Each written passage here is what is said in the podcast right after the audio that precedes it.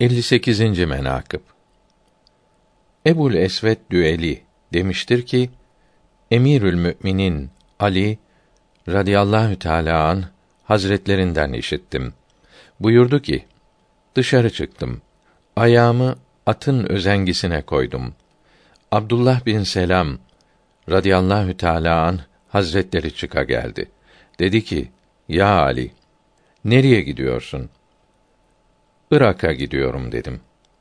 Dikkatli ol ki eğer sen Irak'a gider isen başına kılınç dokunsa gerektir.